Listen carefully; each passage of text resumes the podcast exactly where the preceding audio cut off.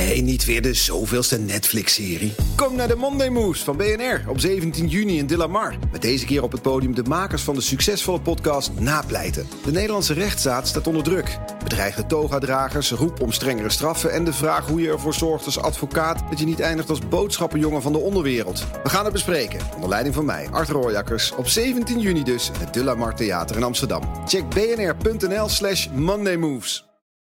De precieze getallen verschillen per peiling, maar duidelijk is dat Viktor Orbán zondag de verkiezingen in Hongarije gaat winnen. In Budapest is Europa-verslaggever Jesse Pinster. Jesse, we zijn een paar dagen voor de verkiezingen. Hoe wordt er daar naar die verkiezingen toegeleefd? Ik bespeur enig optimisme bij de oppositie. En je zei al van, ja, Orbán gaat winnen. Dat zegt de oppositie ook. Maar toch zijn ze blij omdat ze denken dat hij misschien geen twee derde van alle zetels in het parlement gaat halen. zoals hij eigenlijk de afgelopen acht jaar heeft gehad. Het zegt ook wel iets over de stand van de politiek in Hongarije. dat de oppositie daar al blij mee is. Die tweederde meerderheid die geeft uh, Orbán de, de, mogelijkheid om de grondwet te wijzigen. wat hij ook aan de lopende band heeft gedaan.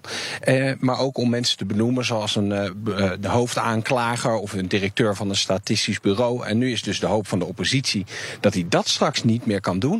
En dat hij dan toch met de oppositie moet gaan praten om tot een compromis te komen. En hoe denkt de oppositie die wat beter dan verwachte positie te bereiken? Ja, nou, dat blijft toch heel erg tricky hoor, omdat het kiesstelsel ze niet heel erg uh, helpt. Dat heeft ermee te maken dat eigenlijk de grootste partij, dat is Fidesz, de partij van Viktor Orban, die uh, is in het voordeel.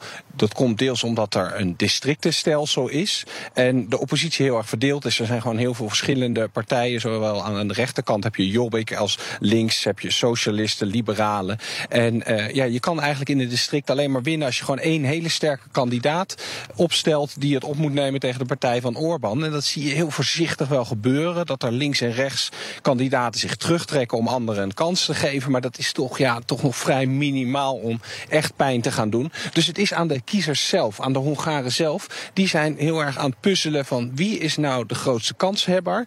En er zijn allemaal websites die ze daarmee helpen. Dus als ze heel strategisch gaan stemmen, maar dan krijg je dus socialisten die op het extreemrechtse Jobbik moeten gaan stemmen. Dan kunnen ze Orbán pijn gaan doen. Ja, nou dat lijkt me niet heel erg voor hand liggen. Vertel even iets over de, over de campagne van Orbán. Wat zie en hoor je ervan?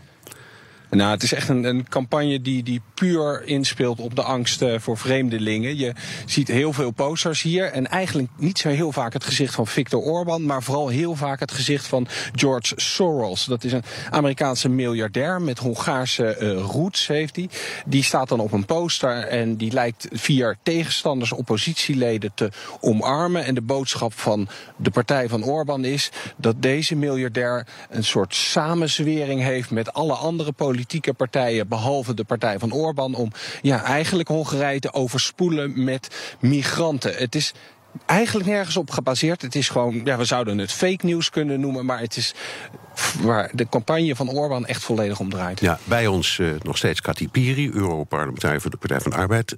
Trots Nederlander, maar, zei u straks ook trots op uw Hongaarse afkomst. ja. uh, wat betekent die komende overwinning, die er toch wel aan zit te komen voor Orbán, voor, uh, voor de Hongaren zelf?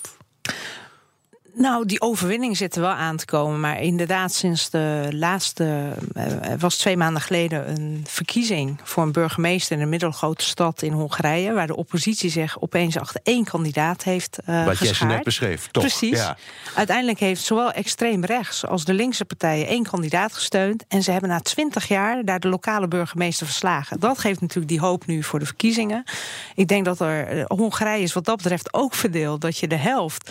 Orbán had de vorige keer ongeveer 44% van de stemmen. Geeft hem wel twee derde uh, uh, van de zetels in ja, het parlement. Door dat districtenstelsel. Door een heel raar inderdaad. Uh, de, de grootste partij krijgt relatief nog meer zetels om extra beloond te worden. Dus alles is erop uit om, om dat te voorkomen. Maar je ziet dat de oppositie het zo moeizaam vindt om samen te werken. Die zelfs aan de linkerkant, of het nou de liberalen zijn, de groenen of de socialisten, ze bevechten nog steeds tot laatst moment liever elkaar dan dat ze gezamenlijke vuist maken tegen Orbán. Ze hebben tot vrijdag de kans om met gezamenlijke kandidaat te komen. Dus de hoop van oppositiegezinde mensen in Hongarije is dat die partijen eindelijk de vuisten ineens slaan, al is het tot 8 april. Dank Kati Piri en ook dank Jesse Pinster, onze Europa-verslaggever. Ook Harm Edens vind je in de BNR-app. Je kunt BNR Duurzaam niet alleen live luisteren in de app, maar ook terugluisteren als podcast, zoals al onze podcasts.